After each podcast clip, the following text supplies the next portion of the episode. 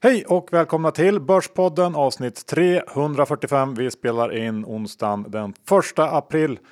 Och John, vi har en stor nyhet att presentera. Ja, jag har ju skaffat mustasch. Och det är inget aprilskämt, utan den är helt äkta och krispig. Mm, kanske inte så krispig och det var inte heller det jag tänkte på. Men vi kan lägga upp den på Instagram sen. Det jag tänkte på är att vi har den stora glädjen att presentera en ny huvudsponsor för Börspodden som ska följa med oss under en lång period framöver. För er som inte redan känner till CMC Markets och deras starka varumärke så är det en CFD-mäklare börsnoterad i London med börsvärde på nästan 5 miljarder kronor. Och på cmcmarkets.se kan man öppna ett demokonto eller ett vanligt konto och där göra affärer på nästan alla världens marknader och börser. Lång som kort. Vad kan man mer göra John? Ja, man kan ju börja med att ladda ner deras app faktiskt som finns eh, på de vanliga ställena. Eh, en annan sak jag tycker är bra är att man inte behöver handla hela aktier utan vill man köpa till exempel 0,2 Berkshire aktier eller en halv Amazon aktie så går det precis lika bra som att köpa en hel. Ja, det är bara en av fördelarna med CMC Markets. Så vi rekommenderar alla att gå in på cmcmarkets.se, öppna ett konto eller då ladda ner appen. Det går lika bra. Ja, och kom ihåg, det finns alltid risker med CFD-handel. Så är det. John, vad snackar vi om idag? Ja, idag kommer det vara en hel del om utdelningar, om politiker och den tokvilda börsen vi faktiskt eh, ser som eh, ja, rör sig procent upp och ner varje dag. Ja, och eh, lite djupdykningar i diverse bolag precis som vanligt. Vi är också sponsrade av Best Secret den här veckan och ni känner ju till Best Secret för det här laget. Det här är en modesajt där inbjudan krävs för att få tillgång till sajten. Eh, det fina med Best Secret John, det är ju att allt är rabatterat ehm, upp till 80% och utbudet är enormt. Best Secret har över 3000 varumärken. Eh, många är väldigt exklusiva och det är både årets och förra årets kollektioner.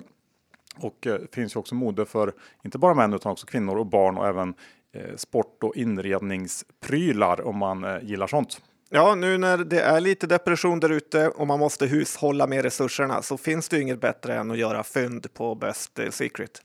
Precis som. Eh, jag eh, har varit inne och köpt eh, lite grejer inför vår sommarsäsongen. Fyllt på med t-shirts, shorts och så vidare. Sen så går jag alltid runt med min min Calvin Klein rock som jag köpte här lite tidigare. Så att jag gillar verkligen Best Secret. Ja, jag gillar ju att sortera på billigast och eh, får då liksom drivor med kläder för tusen spänn. Jag tycker att det är helt otroligt vilka fynd man gör. Ja, så att som sagt eh, alltid rabatterat upp till 80% och enormt utbud. Eh, du hittar allt från Gant, Calvin Klein, Oscar och Sweden och så vidare på den här sajten. Så det är inte så mycket att fundera på. Bli medlem via bestsecret.se Börspodden, alltså Börspodden utan prickar över oet och Antalet inbjudningar här är begränsade så det är först till kvarn som gäller och eh, ja, bara gå in på bestsecret.se Borspodden. Johan Dr. Bass Isaksson index är i 1444. Eh, börsen är ned 3 eh, nästan nu och eh, ja, det är lite vilt där ute. Vad är dina kommentarer? Ja, men om vi zoomar ut lite så har vi ju ändå fått en rejäl studs på börsen här sista veckan kan man säga. Och i vissa enskilda aktier så har vi sett helt sjuka rörelser. Ehm, det här och samtidigt som som ekonomin står eh, stilla och allt ser ganska jävligt ut. Och många eh, har jag sett på Twitter har svårt att få det här att gå ihop. Men så är ju börsen. Den är konstruerad för att så många som möjligt ska ha så mycket fel som möjligt samtidigt. Ehm, och under en sån här period så påminns man ju verkligen ändå om vilken fantastisk skapelse börsen ändå är. Eller? Tycker du inte det? Ja, den är helt otrolig. En, eh, liksom flera miljarders människors olika vilja, även om de vet eller inte. Ja, eh, men vi har ju liksom ekonomin och de här oöverblickbara följdeffekterna av nedstängningen i ena handen och eh, de sjukaste stimulanserna som världen någonsin skådat i den andra. Det är rätt svårt att, att liksom, eh, försöka sig på att gissa vart det ska ta vägen. Um, men jag tror att just nu så är vi någon slags mellanläge Eh, där där ingen ekonomisk data som kommer in spelar någon roll riktigt eh, eftersom det är omöjligt att, att uppskatta hur länge det här kommer pågå. Och det är just det, den här tidsaspekten som är det viktiga. Eh, och det tror jag bidrar på något sätt till att skapa den här känslan av att börsen är galen och bara går upp på vad som verkar vara dåliga utsikter. Men det är någonting som snabbt kan förändras. Så att vi, vi lämnar börsen för nu. Du sa här för någon vecka sedan John att varje kris behöver sitt offer. Stordalen tog det upp som en möjlig kandidat och han ser ju ut att vara på ganska god väg att smälla. Så jag tänkte ta upp en sak till man vill se innan krisen är över. Ja, ett, ett till offer till börsguden? Nej, det här är något annat. Det är nästan det motsatta. Har du någon aning vad jag tänker på? Nej, absolut inte. Jo, det man vill se är ju att eh, Warren Buffett går in och köper aktier.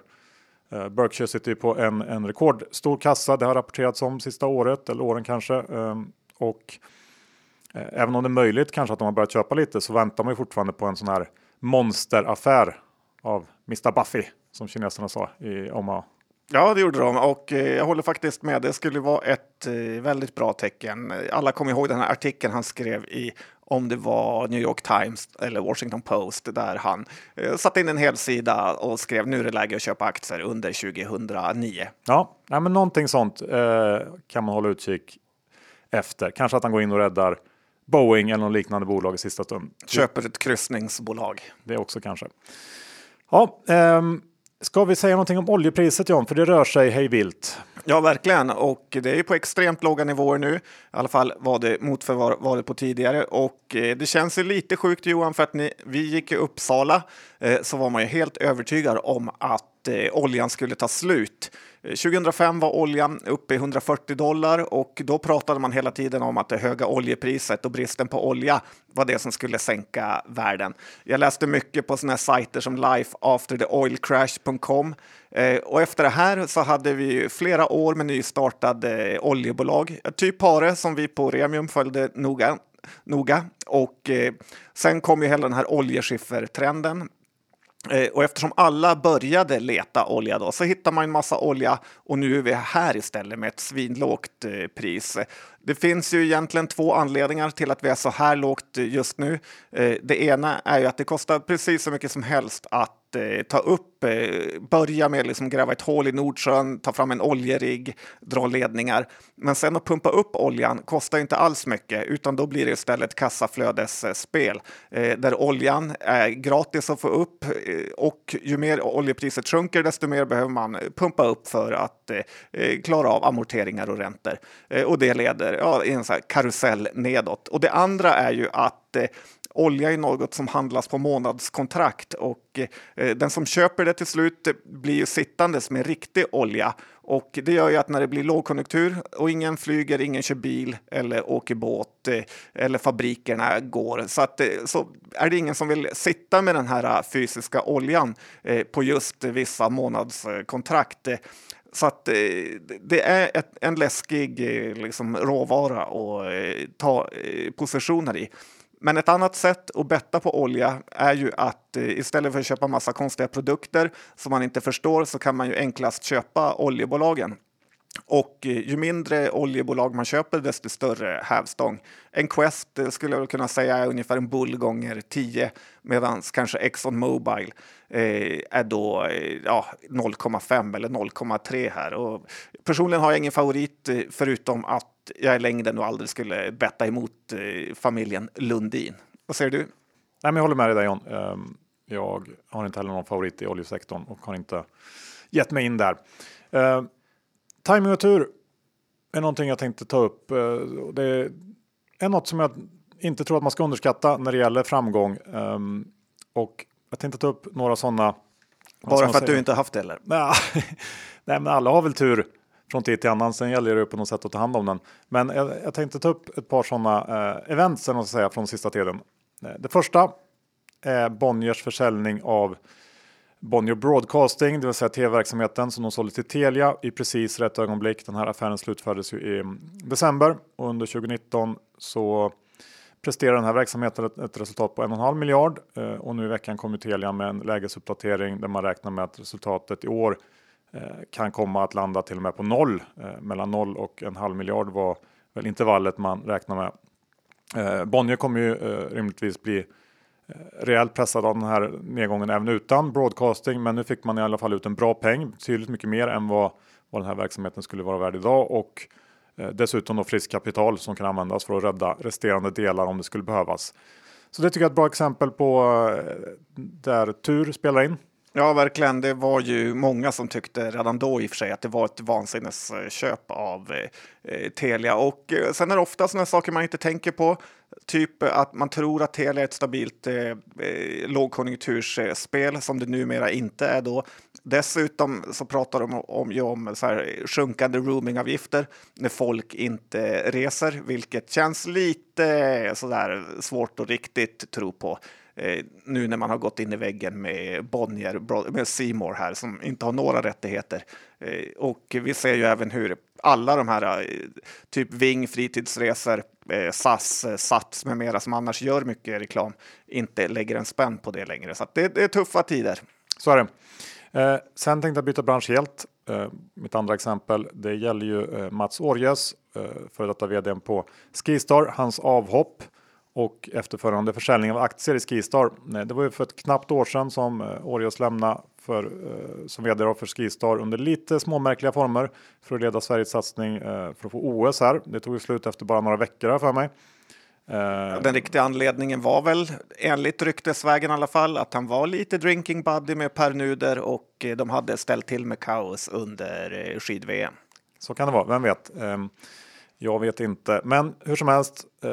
Eh, sålde ju alla sina aktier till familjen Paulsson på runt 120 spänn, eh, knappt 120 tror jag per aktie och han fick ut 75 miljoner kronor då eh, efter den senaste tidens haveri för Skistar. Eh, haveri på flera plan får man säga så måste det ändå vara rätt skönt att inte behöva ta hand om den härvan och dessutom då sparat eh, en ganska stor mängd miljoner på det. Ja, det är många år han hade fått eh, spenderat i skidbackarna i Åre för att spa, få in de här 25 miljonerna. Eh, också intressant vilken makt eh, Cervenka hade här som i princip själv stängde eh, Skistars eh, skidlifter genom att skriva en monströst negativ artikel om ledningen där som eh, direkt eh, svarar på det och stängde den ja, på 6 april här just när påsklovet börjar. Ja, eh, så är det. Men lite tur skadar inte. Eh, utdelningarna fortsätter att dras in.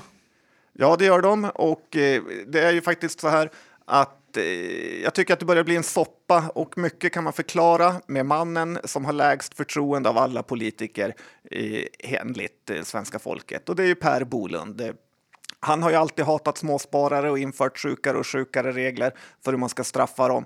Men nu har han hittat ytterligare en möjlighet att förstöra för aktiesparande genom att typ tvinga alla bolag att hålla in utdelningarna. Jag tycker droppen var nog i förrgår när Essity, som ja, men ganska säkert tjänat på den här oron via det otroliga konsumerandet av toapapper, ställde in utdelningen. Och eh, jag tycker så här, det Per Nuder och andra politiker inte förstår är ju att samhället och folket behöver just de här pengarna eh, för att antingen stödköpa i aktiemarknaden eller göra andra saker för pengarna. Att låsa in överflödskapital i bra och väl fungerande bolag gör ingenting bättre. Eh, dessutom, vad är nyttan med att våga satsa sina surt förvärvade pengar i bolag som går bra och gör bra saker och sen bestämmer sig Bolund, eh, som i grunden nog inte kan så mycket om finans, det var inte därför han blev miljöpartist i alla fall, tänker jag, att det är nästan olagligt att dela ut eh, pengar till ägarna. Eh, det finns inte en chans i världen att eh, till exempel 3M skulle hålla inne sin utdelning som de har betalat ut i nästan hundra år för att det kom ett virus. Även om vinsten sänks eller typ försvinner i ett år så har ju de här bolagen resurser och kan ändå ha råd att belöna sina trogna aktieägare. Men inte i Sverige, för där fick Per Bolund feeling. Ja, jag håller nog med i stora drag, men ska väl lägga till att jag tror att många av de här utdelningarna ändå kan komma ut, fast lite senare när, när liksom röken och dammet har lagt sig så eh, tror jag att många kan eh, återuppta de här diskussionerna och kanske dela ut eh, pengarna då. Ja, och ytterligare en idé att införa kvartalsvis utdelning. Ja. Uh, Spiltan har du haft lite tufft på slutet. Ja, det kan man lugnt säga och de har väl egentligen fått bära hundhuvudet för he hela den här kreditfrossan som varit kring obligationer. Eh, just för att lame lamestream media som Trump säger fungerar så här. Först så kallar de Per H Börjesson för Sveriges Warren Buffett och sen när de eh, får en eh, möjlighet att, eh, när det går snett då, så försöker man på alla sätt misskreditera honom för det. Jag såg en D-artikel där det stod han har kallats Sveriges Warren Buffett med syftningen på att han inte är det längre. Eh, men så här, köper man en fond som heter obligation högränte och det blir kaos på räntemarknaden, eh, då får man räkna med att en sån här fond eh, backar. Det är bara att titta på preffar som också har gått ner massor. Eh, att paniksälja sin fond för att man har läst lite tidningsartiklar som försöker skrämma upp folk på grund av små, små enskilda innehav är förmodligen ingen bra idé. Eh, det kan vara i ett annat läge att till exempel sälja en sån här fond för att köpa en aktie som har rasat mycket mer, vad vet jag. Men sälj på grund av att du vill det själv och inte på grund av vad tidningarna skriver. Så är det John. Eh, vi snackade lite sport förra veckan. Det faktum att allt ligger nere nu Eh, men i dagarna har det ändå dykt upp lite intressanta uppgifter eh, i, i UK som pekar på att Premier League kan komma att starta upp igen i början av maj eh, och att man då ska spela klart hela ligan fram till 12 juli utan publik. Och det här ligger ju verkligen i Premier Leagues och klubbarnas intresse. De vill nog göra allt för att slippa rabatter på de här stora eller enorma tv-kontrakt Eh, som är signade. Ehm, och det här förslaget ska enligt, eh, jag vet i och för sig inte hur trovärdiga uppgifterna är, men enligt Daily Mail eh, diskuteras eh, med samtliga 20 klubbar i Premier League nu på fredag. Så det kan vara värt att hålla lite koll på för alla de här sportrelaterade bolagen som finns där ute på börsen och det är ju faktiskt en del. Ja, jag tycker ju att det finns en god möjlighet att det är sant just eftersom man ställde in EM i fotboll för att ligorna skulle kunna spelas klart. Så att det, öppnar ju upp för att det faktiskt eh, kommer att eh, hända.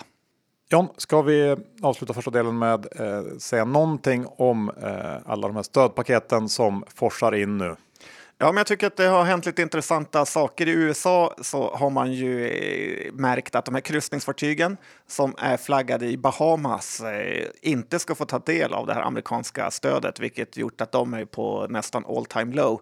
Eh, jag är lite nyfiken på att veta hur man ska göra med det halvstatliga SAS som flaggat ut massa plan till Irland för att komma undan svenska skatter och regler. Och ska de verkligen ha rätt till statligt stöd och sen har man ju läst lite artiklar om företag som funderar på att man ska eh, ge bort sina statliga stödpengar till andra för att man inte själv drabbas så hårt. Och eh, ja, då säger jag bara godnatt. Stödet är ju ett eh, stöd, inte för att folk ska få verka goda och eh, i sin tur ge bort det till någon annan. Eh, vill du ge bort pengar så ge bort dina egna.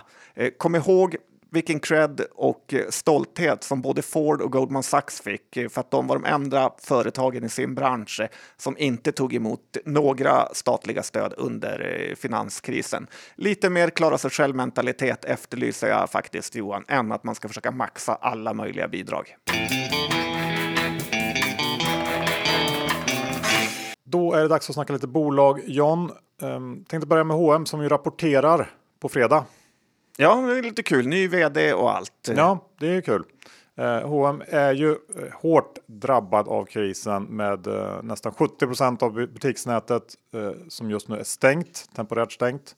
Och det här kostar såklart enorma summor för H&M varje dag. Det är hyror och andra kostnader som står och tickar. Risk för lageruppbyggnad och reor och, och nedskrivningar som följd.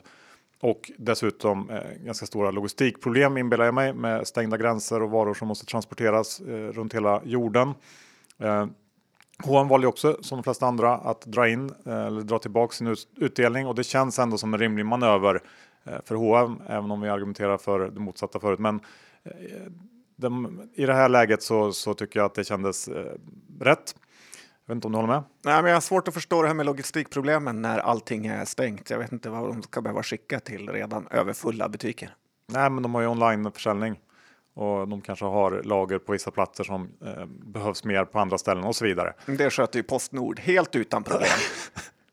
ja, um, nej, men, eh, precis som alla andra så jobbar ju H&M med att dra ner eh, på alla kostnader och eh, ja, på alla sätt försöka mildra påverkan av det här. Men det är såklart oundvikligt att H&M kommer att få det riktigt tufft nu eh, under ett antal kvartal i närtid. Och på fredag då så är det dags för Q1. Eh, H&M's Q1 sträcker sig ju från december till februari, eh, vilket innebär att den stora smällen kommer först i Q2. Eh, men gissningsvis så kommer vi eh, på marknaden får lite mer info kring exakt hur illa det ser ut i Q2 i samband med rapporten. Vi vet sedan tidigare att Inditex eh, försäljning var ner 24% under de första 16 dagarna av mars. Eh, gissningsvis har väl andra halvan av mars varit ännu sämre, men Eh, det kan väl vara någon typ av riktmärke. Eh, men eh, det man ska med sig också är att marknaden är extremt osäker kring Q2 i H&M's fall. Försäljningsestimaten de sträcker sig från 22 miljarder till 59 miljarder och på rörelseresultatsnivå så ligger estimaten från över 4 miljarder i förlust till 6 miljarder i vinst. Och det här gör ju att alla indikationer kring Q2 blir väldigt, väldigt intressanta eftersom det spretar så otroligt mycket. Men när det gäller fredagens Q1 så har vi redan försäljningssiffrorna. De landar på knappt 55 miljarder. Eh, men även här så fladdrar vinstestimaten rejält. Eh, det ligger mellan 0 kronor i vinst upp till 2 miljarder i vinst. Och som jag var inne på i förra veckans avsnitt så tror jag H&M är en sån spelare som kan komma och komma ur det här starkare. Vi har redan sett massor av konkurrenter, mindre kedjor som fått kasta in handduken och det kombinerat med att man precis innan den här krisen faktiskt vänt blad eh, efter ett långt förändringsarbete gör att jag tror att H&M kan vara en bra aktie och plocka upp det här raset. Sen är väl bara frågan om eh, när man ska göra det. Ja, faktiskt. Det finns ju verkligen möjlighet för eh, nya vdn att eh, lowballa, kanske plocka fram lite extra EU-poster på kostnadssidan för att kunna överraska positivt eh, sen. Så att ja, frågan vart botten är, men någonstans här är det ju absolut intressant för den långsiktiga investeraren Johan, om vi känner någon sån. Ja. Vi går över till Iljas SBB som ju Eh, gick miste om en stor affär här igår kväll. Ja, och det är ju lite så att Ilja och SBB sitter i samma båt här. SBB köpte ju Hemfosa i en jätteaffär och eh, skulle sedan sälja ut eh, lite av de här fastigheterna för att sänka skuldsättningen. Och eh, allt gick bra eh, och man hade väl i princip en affär klar här med Nyfosa då, om att sälja fastigheter för 8 miljarder. Eh, men nu hävdar Nyfosa att obligationsmarknaden har ja, frusit och det går inte att låna pengar längre vilket man kan väl eh, säga är sant. Men man får ju också lite av en känsla att eh, folk vill eh, sätta åt Ilja. Eh, ytterligare en faktor i det här är ju att Ilja själv har ju på något konstigt sätt eh, lyckats emittera en obligation på sig själv eh, där det ryktas att de här SBB-aktierna är pantsatta och eh, om den aktien kommer ned för mycket så har man rätt att eh, ta panten. Eh, det är lite svajigt, med på, särskilt på en så här svajig och liksom läskig börs. Vi vet ju alla hur det gick för eh, Swedbank-stiftelserna eh, när de blev avlurade nästan alla aktier eh, på botten under finanskrisen här. Så att ja, vi får se vad om Ilja och SBB har några kort i rockärmen. Mm, jag gissar ändå att Ilja har några kort kvar i rockärmen. Han känns som en sån person. Ja, han har inte kommit hit för att förlora allt på tre veckor. Nej.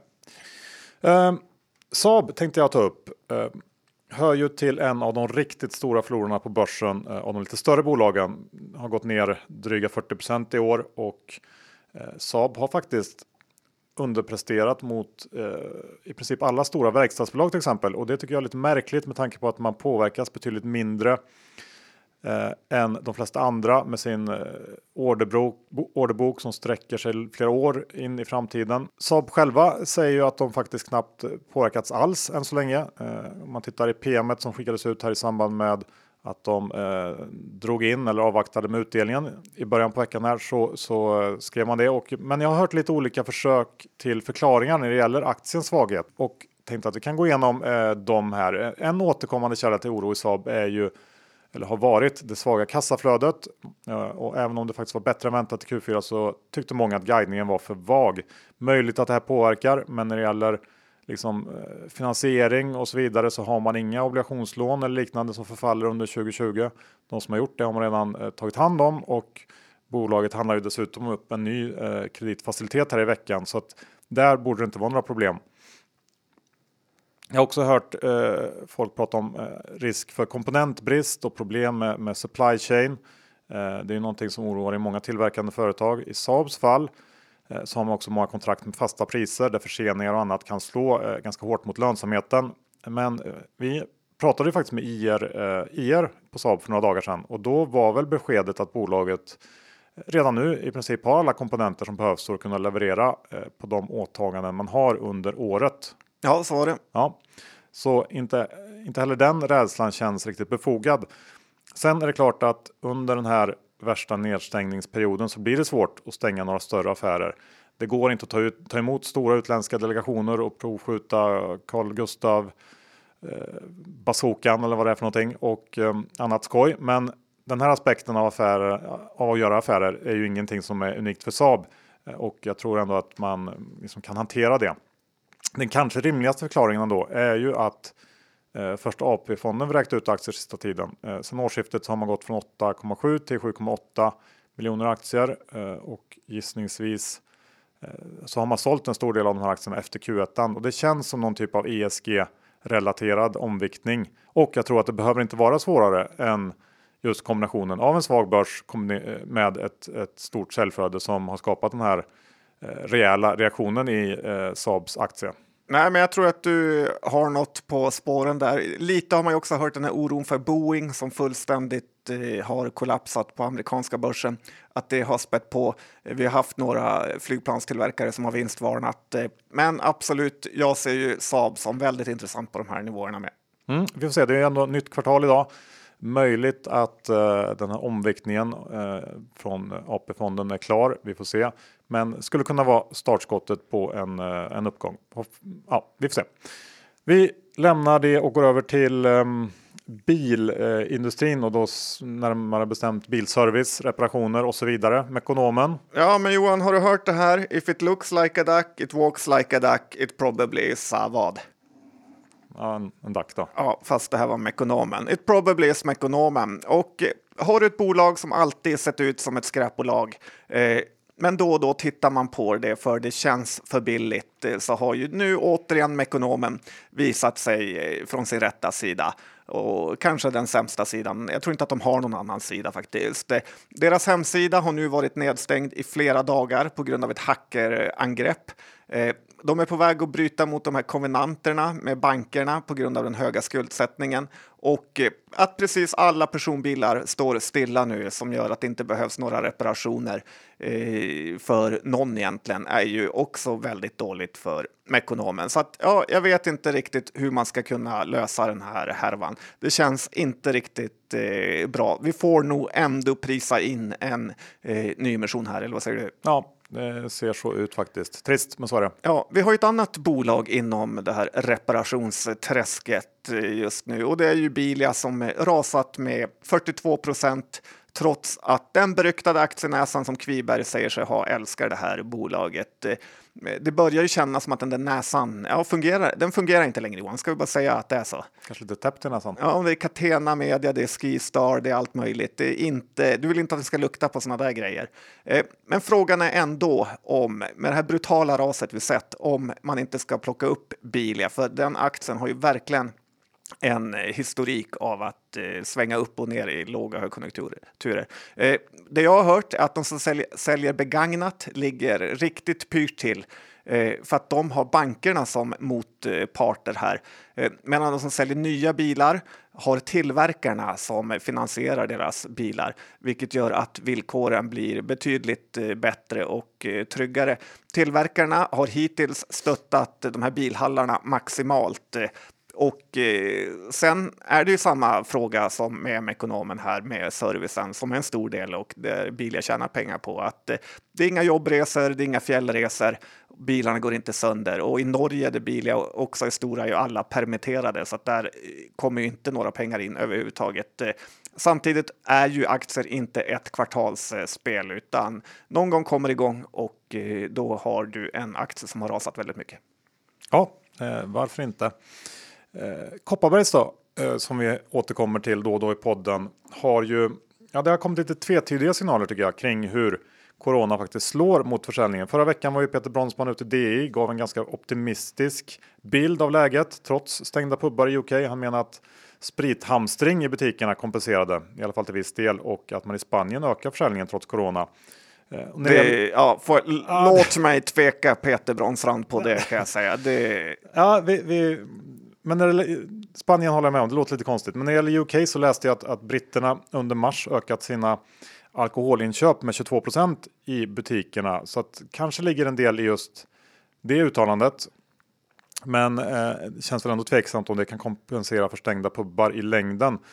Eh, men så igår såg jag också en blänkare eh, från Finnwire tror jag det var, där Brons, Bronsman kommenterade att man nu har deltidspermitterat 40 av 180 drygt anställda Eh, i det svenska bryggeriet och då var det inte lika muntert. Eh, han var, sa väl att egentligen ska de gå in i högsäsong nu, men Ja, sen eh, pubbarna stängde i, i UK och eh, att den svenska restaurangmarknaden gått ner med nästan 70% så eh, har det ja, blivit tuffare helt enkelt. Um, och de tvingas då deltidspermittera. Eh, så att det här är ju uppgifter som, som har kommit ut med en, ja, någon vecka emellan. Um, lite skillnad ändå i budskap tycker jag. Aktien runt 110 spänn nu oavsett vad man tycker om det här. Och uh, de gjorde väl knappt 10 spänn förra året. Um, ja. De har gjort det de senaste åren. Det ja. har inte ökat. Nej, men det är ju en tuff period. Kollar man på till exempel Royal Unibrew så var de också nere på låga nivåer och har gått upp betydligt mer än vad Kopparbergs har gjort. Så att eh, ja, det kommer väl en säsong efter det här också, men i år kommer det inte bli bra. Hela Mallorca är nedstängt, hela Spanien är nedstängt. Det kommer säljas mindre sponken än eh, vad det gjorde tidigare. Ja, sen kan man ju välja att då se förbi det och hoppas på um, nästa år istället. Möjligt att det kan vara ett intressant läge här. Då. Ja, kanske. Ja. Eh, konsulter då? Det, jag tänkte att vi kan ta upp två stycken. Ja, shoot. Eh, SCR. Ja, det är ju också en aktie som har gått ofattbart eh, dåligt sista tiden. SCR handlas i 17 kronor nu, vilket är samma nivå som den gjordes i mitten av 2010. Det är alltså ett eh, förlorat decade. Eh, men det som är lite intressant är att bara sedan 2015 har man fått nästan hela dagens börskurs i utdelning. Så att den som säger att utdelningar inte spelar någon roll vet ingenting. Wise är lite samma läge här med att Eh, eh, det är också de lägsta kurserna sedan 2010 och eh, där har man fått ungefär 10 kronor, vilket är halva börsvärdet eh, eller ja, halva aktiekursen i utdelning sedan 2015. Så det är alltid något. Eh, men grejen är att inom det här konsultuthyrning så är det ju nattsvart. Det, ja, det är närmare katastrof här för att alla bolag ringer ju direkt och säger upp konsulterna och så har de lite uppsägningstid och då säger de här mindre bolagen att antingen så kräver ni den här summan, men då kommer vi gå i konkurs och då får ni ingenting. Eller så eh, säger vi upp avtalet på en gång. Så att de sitter ju lite i en rävsax där, för de måste betala sina egna konsulter ändå. Eh, och sen har den här rekryteringsmarknaden förändrats, men i lite så här äh, långsammare takt med LinkedIn, eh, där det är lättare för bolag att göra det här själva. Eh, vi såg ju det redan kurserna i båda de här bolagen toppa kring 2016. Så att de måste nog steppa upp sitt förändringsarbete, för annars blir de någon typ av Uniflex Poliabolag som aldrig någonsin levererat aktieägarvärde. Ja, du har väl poänger där. Eh, å andra sidan kan man väl säga att när det vänder upp igen så kan ju de vara de första som tjänar på det när bolag vill snabbt ta in arbetskraft. Eh, så det finns ju alltid olika aspekter av de här bolagen. Nej, men det är ju så. Ja, så är det. Eh, Nent tänkte jag avsluta med John. Ja, Nordic Entertainment Group. Ja, eh, de har ju både en stor annonsaffär och stort fokus på sport, vilket innebär att Nent är en, en av de spelare som drabbats eh, hårt av den senaste tidens händelser. Eh, den här uteblivna sporten eh, som jag pratade om tidigare har tvingat Nent att sänka priserna på de här sportabonnemangen. Du har ett sånt va? Ja, jag Via... har eh, stöttar alla tv-kanaler. Simor, jag stöttar Viasat. Ja. Härligt. Eh, eh, ja, så de har fått sänka de abonnemangen och eh, reklammarknaden är ju såklart inte heller någon höjdare just nu. Men å andra sidan så har man eh, sett ett ganska stort inflöde av nya Viaplay-kunder. Nent har ju också varit snabba med åtgärdsprogram för att motverka de här negativa effekterna. Eh, I veckan här så lanserar de ett program som ska resultera i besparingar på 700 miljoner. Och med de här åtgärderna så ser det faktiskt ut som att man kommer kunna parera Eh, de här skadorna som eh, det har orsakat. Och för att relatera till det vi pratade om Eh, gällande fotbollen och Premier League tidigare så är det också lite osäkert hur både kostnaderna och intäkterna för sporten kommer att påverka framöver. Nent eh, har ju redan betalat för Premier League-rättigheterna och om säsongen inte spelas klart så kommer de att eh, kompenseras för det på något sätt. Å andra sidan så borde de kunna höja priserna igen om fotbollen till exempel kommer igång här snart. Så att eh, lite osäkert hur just det där spelar in. På lite längre sikt kanske man kan fråga sig hur uthålliga de här reklamintäkterna från tv-biten egentligen är. Men så länge man fortsätter att leverera tillväxt inom Viaplay så, så kan nog eh, marknaden acceptera den biten. Eh, aktien runt PE 11-12 här efter den senaste månadens fall. Ehm, ja, jag vet inte, är det billigt eller dyrt? Kanske är rimligt just nu. Ja, men också lite så här, de här 700 miljonerna i besparingar, vad, om eh, de bara går att göra så där, varför gjordes de inte tidigare? Jag är lite tveksam till den här typen av bolag, men eh, som sagt, fotbollen kommer ju komma igång och de har rättigheterna. Slut på avsnitt 345. Vi tackar vår nya huvudsponsor CMC Markets. Gå in på cmcmarkets.se och eh, ja, man kan ju börja med att öppna ett demokonto för att testa. Ja, det är en verkligen kul app. Det är, jag gillar att man kan se hur toppkunderna agerar så att eh, får man se hur de tänker. Ja, och det här med att eh, det finns ingen inga förinställda positionsstorlekar. Man kan handla en liten del av en aktie om man vill det. Ja, verkligen bra. Ja. Bra. Vi eh, ska väl också tacka Best Secret. Ja, gå in och verkligen rea i dessa tider. Det finns otroligt prisvärda plagg. Ja, bestsecret.se snedstreck Bordspodden. Inga konstigheter. Nej, inga alls. Bra, innehavsredovisningen. Ja, jag har Saab, jag har jätte, jättelite Kopparbergs och jag har eh, ja, inte så mycket mer skulle jag säga. Nej, jag har också Saab. Uh, I övrigt ingenting den här veckan. Så att um, bra. Bra, vi klarar oss. Ja, tack för att ni lyssnade. Vi hörs igen om en vecka. Det gör vi. Hej då!